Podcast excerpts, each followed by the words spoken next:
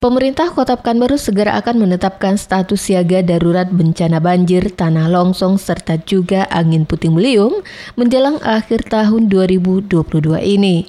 Status ini nantinya dituangkan secara resmi dalam surat keputusan Wali Kota Pekanbaru. Kepala BPBD Kota Pekanbaru, Zarman Chandra menjelaskan, status siaga darurat ini berlaku mulai tanggal 10 November hingga tanggal 31 Januari 2023. Ditetapkannya status siaga tersebut dijelaskan Zarman karena kondisi perkembangan cuaca menurut laporan BMKG untuk wilayah Kota Pekanbaru secara khususnya dari November hingga Januari masih akan mengalami hujan mulai dengan intensitas tinggi serta juga angin kencang. Lanjut Zarman, dalam waktu dekat pemerintah kota Pekanbaru juga akan segera membuat tim terpadu untuk penanganan bencana dalam persiapan antisipasi bencana. Tim ini melibatkan beberapa instansi dan juga jajaran lintas sektoral.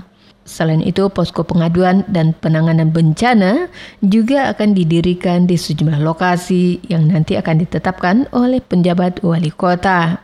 Koordinasi penetapan status siaga darurat bencana banjir dan angin putih eh, longsor dan angin puting beliung.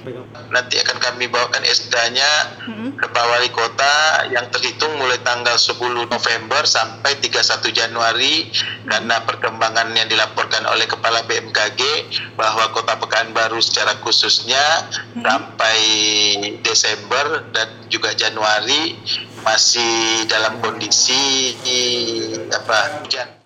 Di samping itu, BPBD Pekanbaru juga akan menyiapkan sarana prasarana dalam menghadapi bencana.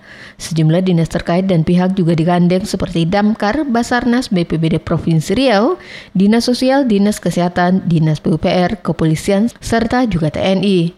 Selain itu, masyarakat juga diminta untuk menghubungi call center 112 untuk melaporkan bencana yang terjadi di wilayahnya. Desi Suryani itu meliputan Barabas melaporkan.